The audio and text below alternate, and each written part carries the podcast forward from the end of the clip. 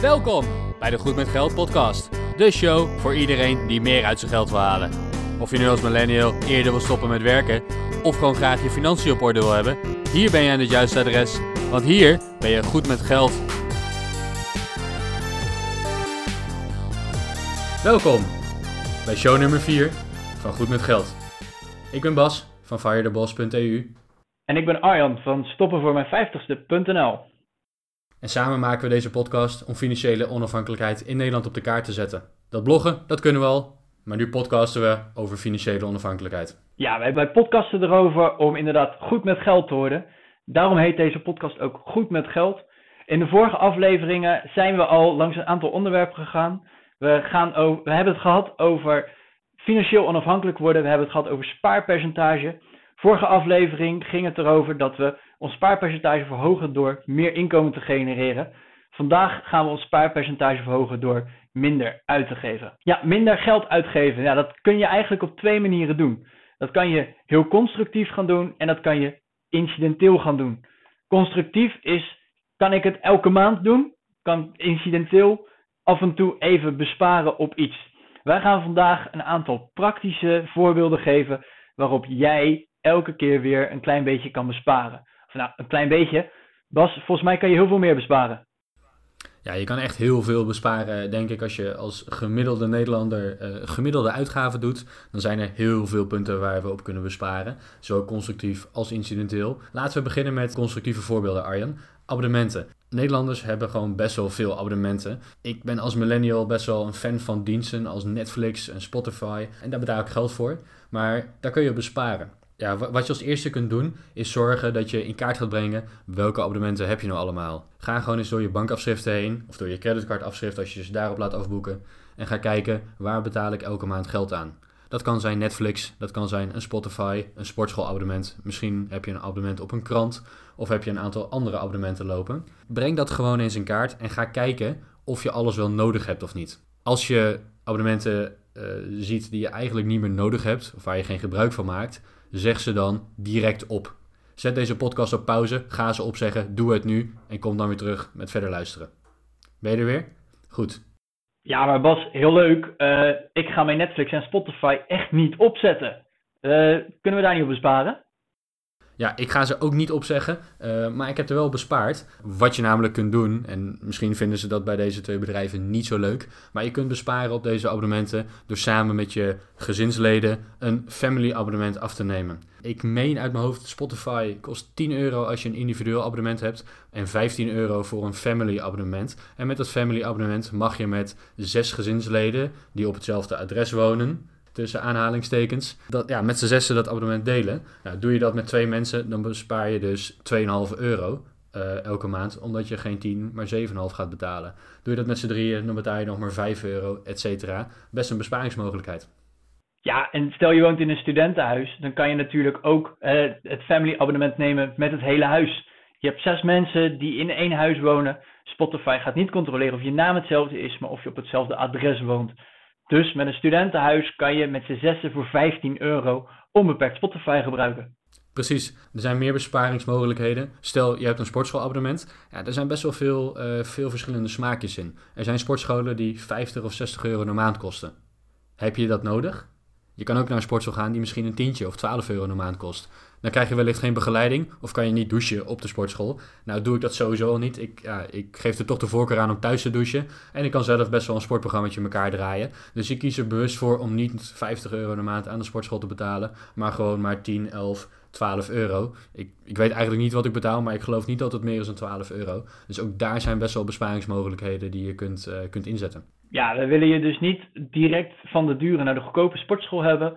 Maar het gaat er hier ook om dat je gewoon bewust je geld uitgeeft, goed met geld omgaat en dat je dit ook inderdaad bewust die keuze maakt. Ik heb dit abonnement echt, echt nodig, want ik gebruik het altijd. Of ik kan het met wel iets minder doen, dus ik kan er ook op besparen. Een ander voorbeeld, eh, wat we hier ook direct kunnen noemen, zijn verzekeringen. Wie in Nederland is er nou niet verzekerd? Je bent verzekerd tegen brand, inbraken, ongelukken, juridische geschillen, diefstal. Wat, Bas, waar ben jij allemaal voor, zeker, voor verzekerd? Uh, naast het rijtje dat jij nog noemt, hebben we nog de opstalverzekering als je een eigen woning hebt. Je hebt een inboedelverzekering voor je uh, inboedel als je op jezelf woont. We hebben natuurlijk de zorgverzekering. Nou, op het moment dat we deze podcast opnemen, zitten we precies weer in het zorgverzekeringseizoen waarin iedereen aan het vergelijken en overstappen is. Je kunt nog een reisverzekering hebben, een annuleringsverzekering op je reizen, et cetera. Uh, je kan je voor alles wat je kunt bedenken verzekeren. Ja, en wat je dus eigenlijk moet gaan bedenken, heb ik die verzekering ook daadwerkelijk nodig? Heb ik dat aanvullende zorgverzekeringpakket nu nodig? Of zeg ik, nou, hè, ik neem de tandartskosten voor lief, die betaal ik zelf en bespaar daarmee 200 euro op mijn aanvullende verzekering. Maak ik verder nooit gebruik van zorg, ben je jong en ben je eigenlijk altijd fit, kan je er ook voor kiezen om je eigen risico bijvoorbeeld omhoog te gooien en daardoor minder verzekeringsgeld te moeten betalen. Ga je nooit skiën, maar heb je wel een skivakantieverzekering afgesloten, misschien is die toch niet nodig en kan je daar dus gewoon simpelweg op besparen. Ja, absoluut. En goed dat je het voorbeeld noemt inderdaad van je eigen risico omhoog gooien. Kijk, als je een baan hebt en je hebt een beetje spaargeld, en nou, laten we wel wezen, mensen die luisteren naar goed met geld, die zijn goed met geld, of in elk geval beter met geld dan de gemiddelde Nederlander. Die hebben vaak toch best wel een beetje spaargeld. Dus je kan prima je eigen risico verhogen als je weet dat de kans op daadwerkelijk claimen op je verzekering niet zo heel groot is.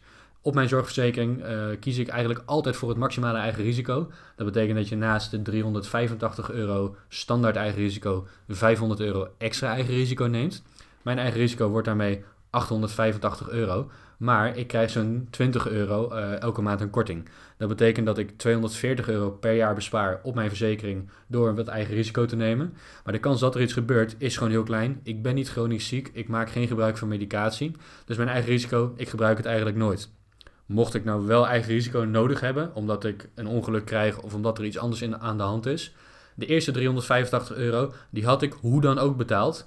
Plus, ik heb 240 euro besparing in dat jaar. Dus die 385 plus 240 euro. Alleen als ik daarboven kom, kost het mij geld. Ja, maak je dus echt geen gebruik van je zorgverzekering, dan heb je het dus eigenlijk al met twee jaar sowieso terugverdiend. Wie weet iets om te overwegen. Ja, absoluut. Daar kan je zeker naar kijken. Nou ja, dit zijn natuurlijk een aantal ja, best wel uh, grotere constructieve besparingen die je kunt doen. Hè? Uh, abonnementen, verzekeringen, dat zijn dat zijn vaak de wat grotere bedragen elke maand die je uitgeeft. Maar je kan ook op de kleine dingen best wel besparen. Het lijkt bijvoorbeeld dat je voor de lunch en voor je koffie niet zo heel veel geld betaalt, omdat het maar hele kleine bedragen zijn. Maar ik geloof dat Arjen best wel een keer de rekensom heeft gemaakt. Ja, want je lunch, hè, wat kost het nou? 3 euro om even op kantoor te lunchen. 3 euro, hè, maakt niet uit, is bijna niks. Maar ga nou eens even rekenen. 3 euro, dat hebben we 5 dagen in de week. Dus dan betaal je 15 euro per week aan alleen al je lunch. Dat is 60 euro per maand. Nou, stel we werken 45 weken ongeveer. 45 weken maal die 15 euro. Dan kost jouw lunch jou 675 euro per jaar. Natuurlijk moet je lunchen, dus het alternatief is je eigen lunch meenemen. Kost ongeveer een euro per keer om dat mee te nemen. Gaan we dat berekenen, ben je 5 euro per week kwijt. En 45 weken lang, die 5, 5 euro, is 225 euro per jaar. Je kan dus simpelweg door jouw eigen lunch mee te nemen 450 euro per jaar besparen. Nou, niet alleen op je lunch kan je besparen, ook bijvoorbeeld dat koffietje op het station.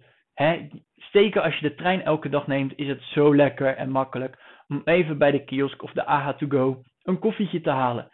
Je bent 2 euro voor een koffie kwijt. Dat is nou 2 euro. Maar ga dat nou eens even doorrekenen. Die 2 euro kost jou per jaar 450 euro voor alleen al koffie. Sorry, maar als ik gewoon zelf een koffiebeker koop, een koffiemok, ik vul hem elke ochtend met mijn zelfgezette koffie, dan ben ik heel veel minder kwijt. Ik heb, het, ik heb de berekening wel eens gemaakt. We zo stoppen de link in de show notes. Ja, en die show notes waar we het steeds over hebben, die vind je dus op goedmetgeldpodcast.nl slash 004. Maar effectief ben je nog geen 50 euro kwijt aan koffie als je het elke dag zelf meeneemt. Dat is dus ook gewoon een besparing van 400 euro per jaar. Nou, heb ik je toch even mooi 800 euro per jaar bespaard nu. Ja, dankjewel Arjan. Nou, er zijn natuurlijk naast de lunch en de koffie en je verzekeringen nog best wel wat zaken waar je echt constructief geld op kunt besparen. Ja, want uh, Bas, jouw woonlasten. Jij hebt wel vaker je hypotheek overgesloten. Vertel er eens wat over. Ja, nou, ik heb niet wel vaker mijn hypotheek overgesloten. Ik heb dat één keer gedaan. Uh, een aantal jaren geleden kocht ik een appartement in een van onze grote steden in dit land. De rente was op dat moment al behoorlijk aan het zakken en ja, ik had gewoon best een gunstige rente. Maar dit jaar heb ik mijn uh, hypotheek overgesloten naar een nog veel lagere rente. En dat bespaart me toch best wel, uh, best wel wat geld elke maand. Dus op woonlasten kun je heel goed besparen. Een voorbeeld is, als je een koopwoning hebt, kijk eens of het interessant is om je hypotheek over te sluiten. Niet voor iedereen is dit een, een, haalbare optie. Als je rente al heel erg laag is, dan is de, ja, de potentiële besparing waarschijnlijk niet al te groot. Maar zit je nog op een oude rente die je 10 of 15 jaar geleden hebt vastgezet, kijk absoluut eens naar het oversluiten naar een, naar een nieuwe hypotheek met een vele malen lagere rente ja, dit kost je wat geld. Je hebt je oversluitkosten, de boeterente, je moet weer opnieuw naar de notaris, je moet je woning laten taxeren. Maar maak de berekening en kijk wat het je gaat opleveren als je je rente uh, van de hypotheek kunt oversluiten. Ja, en dit kan je natuurlijk gewoon even snel uitzoeken. Hè? Ga gewoon eens online kijken, wat doet de hypotheekrente? Stel de hypotheekrente is opeens al 2% lager dan jouw huidige hypotheekrente. Dan is het zeker de moeite waard om eens even te gaan praten met een adviseur. Scheelt het 0,1%, ja, dan is het waarschijnlijk niet de moeite om dit inderdaad te gaan doen. Er is een hele mooie website, die heet berekenhet.nl. En die hebben allerlei calculators, met name voor dit soort financiële vraagstukken. En ze hebben inderdaad een, uh, ja, een calculator om te gaan berekenen: is het overstappen van hypotheek, is dat zinvol voor mij of niet? En daar gaan we zeker naartoe linken in de show notes. Nou, op woonlasten, er zijn nog een aantal andere manieren waarop je daar kunt besparen. Naast het oversluiten van je hypotheek kun je natuurlijk gaan kijken of je kleiner of goedkoper kunt gaan wonen op dit moment zijn de huizen best wel duur, maar kleiner of goedkoper uh, gaan wonen. Dat werkt zowel voor als je in een koophuis zit als uh, dat je in een huurhuis zit.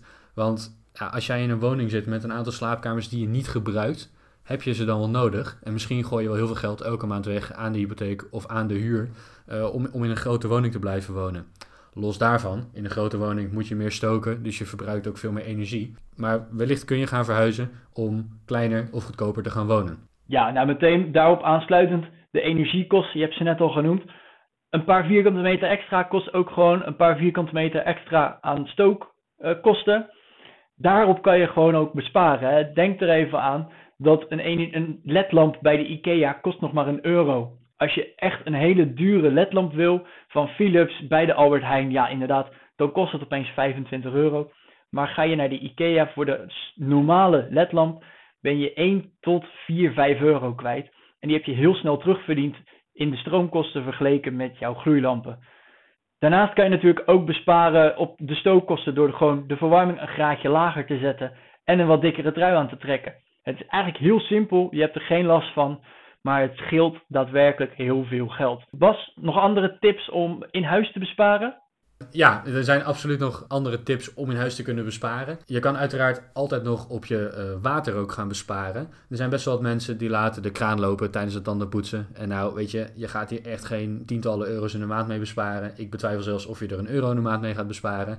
Maar Kijk gewoon naar wat je verbruikt. Zorg dat je een waterbesparende douchekop uh, installeert. En ga gewoon wat minder water verbruiken. En niet alleen je koud water, uh, dat je daarmee bespaart, wat in Nederland best wel goedkoop is. Maar je bespaart er ook warm water mee met zo'n uh, besparende douchekop. Dus dat scheelt ook weer in je energielasten. Nou, los van de financiële besparingen denk ik dat het ook gewoon moreel een beetje verplicht is om aan het milieu te denken. En door minder energie en minder water te gebruiken, ben je ook gewoon bewuster bezig met, met je milieugebruik.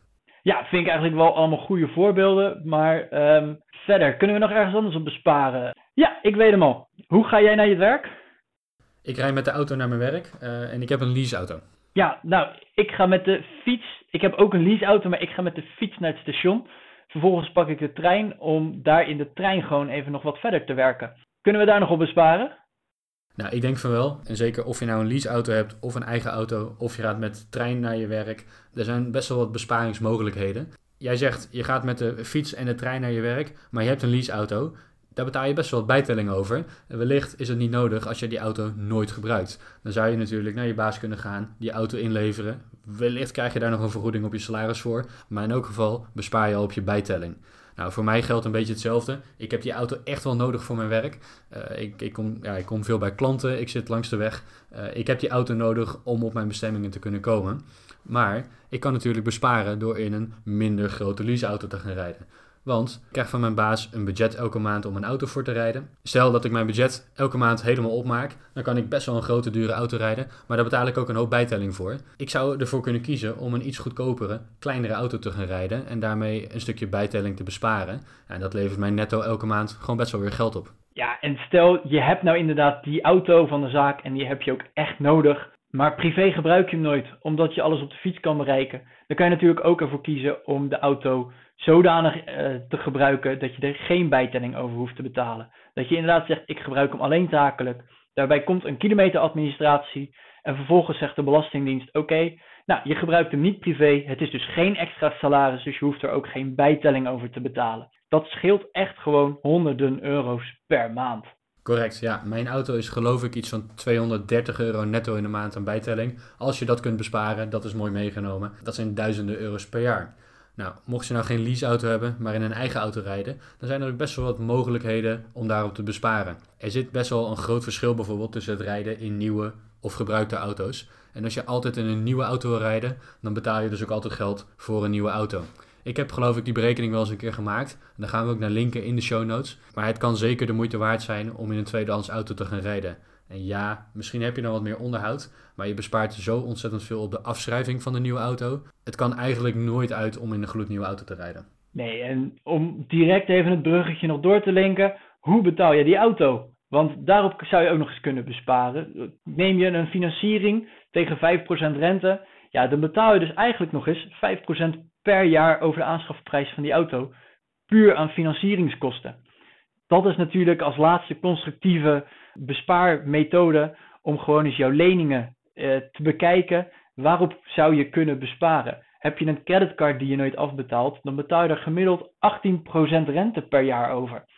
18%. Stel je hebt een creditcard en er staat 1000 euro altijd in de min, dan betaal je daar dus 180 euro per jaar aan kosten over. Heb je een persoonlijke financiering, dan zijn de rentes vaak erg hoog, die je dus ook gewoon elk jaar weer betaalt. Dat geld kan je niet uitgeven, dat geld kan je niet sparen, dat geld kan je dus ook zeker niet investeren. Nou, nu zijn er natuurlijk niet alleen maar leningen die je af wil betalen of die je af kunt betalen. Er zijn ook zeker wat gunstigere leningen, zoals bijvoorbeeld onze hypotheek. Want mijn hypotheek ga ik niet afbetalen. Dat kan ik niet en dat wil ik ook voorlopig nog niet. Maar de financieringslasten die je hebt, die kunnen zeker hoog optellen. En daar kun je dus ook zeker wel besparen. Dus controleer ze gewoon eens. Inderdaad. Nou, daarnaast hebben we natuurlijk een aantal incidentele uitgaven waar we op kunnen besparen. Voorbeelden daarvan zijn uh, overstappen van de energiemaatschappij. Je kunt besparen op je voeding, op parkeergeld. Kijk eens goed naar aanbiedingen van zaken die je nodig hebt. En je kunt zelfs nog op belasting besparen. Arjan, jij hebt denk ik veel ervaring met uh, de oversluiten van de energie. Ja, ik vind eigenlijk dat je al veel te snel door het hele rijtje heen gaat. Incidenteel besparen is zeker iets wat je kan doen. Denk bijvoorbeeld aan jouw energierekening. Elk jaar heb je gewoon stroom, gas en water nodig. Maar op je stroom en gas kun je zeker wel besparen. Kijk maar eens naar de welkomstbonussen die je kan krijgen. Als je elk jaar overstapt, krijg je elk jaar weer een nieuwe welkomstbonus. En die kan wel oplopen tot 200 euro. Tuurlijk, de energieprijzen zijn net even iets hoger, maar die wegen zeker niet op tegen de bonus die je erbij krijgt. Je verdient er dus zeker incidenteel gewoon wat geld mee. Denk ook eens gewoon aan je parkeergeld. We hebben het net over die auto gehad waar je standaard al op kan besparen door een kleinere auto te rijden. Maar hoeveel ben jij kwijt aan parkeergeld? Heb je wel eens gekeken of je misschien gratis kan parkeren? Zij het een straat verderop of twee straten verderop. Je moet misschien vijf minuten lopen, maar je bespaart er wel gewoon opeens 10, 12 euro mee. Ja, dat zijn de kleine dingen die net even wat meer ruimte in jouw portemonnee geven. Bas, bespaar je ook op kleine dingen? Uh, eten bijvoorbeeld? Ja, absoluut. Ik probeer best wel bewust te zijn van mijn voeding. Ik hou heel erg van lekker eten. Ik hou van koken. Dat betekent dat ik uh, ja, bewust met voeding bezig ben. Maar je kunt heel duur eten en heel goedkoop eten. Ja, en daar probeer ik een balans in te vinden. Zoals gezegd, ik hou wel van kwalitatief eten, maar kwaliteit hoeft niet per se heel duur te zijn. Dat betekent dat ik kijk naar aanbiedingen. Stel dat je vlees gaat kopen in de winkel en je hebt dat vandaag nodig, je gaat dat niet nog een paar dagen bewaren. Kijk dan eens of je vlees kunt kopen dat tot en met vandaag of morgen houdbaar is. Want er zijn een hoop winkels die daar flink wat korting op kunnen geven. Ik geloof van 30 tot 50 procent korting. Nou, daar kan je natuurlijk al heel makkelijk op besparen. Kijk ook eens naar of je zelf gaat koken of dat je kant-en-klare maaltijden koopt of zelfs een afhaalservice gaat gebruiken. Daar betaal je best wel veel geld voor. En als je zelf kookt, dan bespaar je een hoop geld. Als ik nou zelf aan het koken ben, dan heb ik mijn inkopen gedaan. Dan ga ik mijn ingrediënten snijden, klaarzetten en, uh, ja, en ga ik mijn eten bereiden. Ik kan natuurlijk net zo makkelijk voor twee personen koken als dat ik voor vier of voor zes personen kook. Wij zijn maar met z'n tweeën thuis, maar meestal als ik kook, doe ik dat voor vier personen. De reden daarvan is, is dat ik dan twee maaltijden overhoud en die kan ik vervolgens invriezen en een andere dag gebruiken. Dat levert mij twee besparingen op. Ik kan vaak net iets groter inkopen, waardoor mijn stuksprijs lager wordt. Dus ik bespaar daar een paar euro's mee. Maar ik bespaar vooral ook een hoop tijd. Want het koken voor vier personen duurt niet twee keer zo lang als het koken voor twee personen. Nou, een van de andere dagen hoef ik alleen maar wat eten uit de vriezer te halen. En heb ik toch lekker een vers bereid, zelfgekookte maaltijd. Ja, vind ik echt een supergoed voorbeeld. Wij gooien ook regelmatig iets in de vriezer om het vervolgens later er weer even uit te halen, op te warmen. En we hebben gewoon een maaltijd Lekker makkelijk, lekker snel, maar wel heel goedkoop. Want wat je zegt, als ik een keer een kant-en-klaar maaltijd koop, is er een fabriek die het heeft bereid en daaraan wil verdienen. Als ik iets afhaal of het zelfs laat bezorgen, dan is er ook een bedrijf of een restaurant die daaraan wil verdienen. Ja, en daar kan je natuurlijk incidenteel juist op besparen. Door het zelf te maken, door zelf daar net wat tijd in te stoppen. En wat tijd betreft, het kost niet extra tijd. Als je zelf iets gaat maken, tuurlijk, het kost je een half uur. Maar ga je het bestellen, dan duurt het ook vaak een half uur voordat het eten er is. Want het moet daar ook bereid worden. De bezorger moet langskomen. En ga zo maar door. Op tijd bespaar je niet, maar op geld kan je zeker besparen. Nou, we hebben hier nu een aantal voorbeelden genoemd die hele kleine besparingen geven. Een euro hier, vijf euro daar. Maar tel ze eens bij elkaar op. En je kan door een heleboel kleine bedragen bij elkaar op te tellen, kan je misschien wel 50 euro een maand besparen. Dat is 600 euro per jaar aan uitgaven die je niet meer doet. Uh, en waar je eerder eigenlijk ook geen plezier aan, uh, aan uithaalde. Dus kijk ook zeker naar die hele kleine dingetjes in het leven. Om, uh, ja, wees heel bewust van waar je wel en waar je geen geld aan uitgeeft. Ja, om nog zo'n klein ding te noemen. Denk bijvoorbeeld eens aan de verzendkosten. Bij bol.com, vanaf 20 euro is het gratis verzenden. Maar koop je iets voor 19,95, dan moet je er opeens 2,50 voor betalen.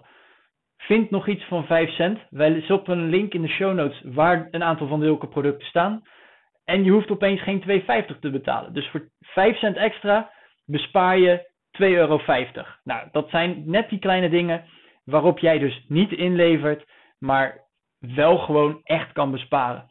En zo kan je ook nog eens op belasting besparen. Er zijn gewoon een aantal voorbeelden waar je daadwerkelijk belasting teruggave kan krijgen. Uh, wij stoppen de links in de show notes. Lees die rustig ook nog even door. Het zijn er te veel om op te noemen om inderdaad allemaal hier in deze podcast te gaan benoemen. Nou, om even kort samen te vatten. Twee manieren om te besparen. Je kan het constructief doen. Kijk nog eens naar je abonnementen. Kijk eens naar de vaste lasten die je elke maand hebt. Die je elk, geld wat je elke maand uitgeeft. En waar zou je dan op kunnen besparen? Je kan het ook nog eens incidenteel doen. Om inderdaad te zorgen dat je niet die verzendkosten betaalt. Om te kijken of je inderdaad op uh, een welkomstbonus kan krijgen. Of de aanbiedingen mee kan nemen van de lokale buurtsuper. Allemaal praktische tips om jou heel veel beter met geld te maken. Zodat je inderdaad goed met geld kan zijn. Inderdaad. Nou, dat was de aflevering van vandaag. Als je denkt dat je waarde hebt gehaald uit deze podcast, dan zijn er twee manieren waarop je ons kan helpen. 1. Abonneer je op onze iTunes. Dan laat je deze provider zien dat je onze podcast leuk vindt en dan word je op de hoogte gehouden als de volgende aflevering uitkomt. En 2. Abonneer je op onze blogs. Arjan vind je bij stoppen voor mijn 50ste.nl en mijn blog is firetheboss.eu. Dat is ontsla baas, maar dan in het Engels.eu. Blijf ons volgen en word ook goed met geld. Tot volgende week.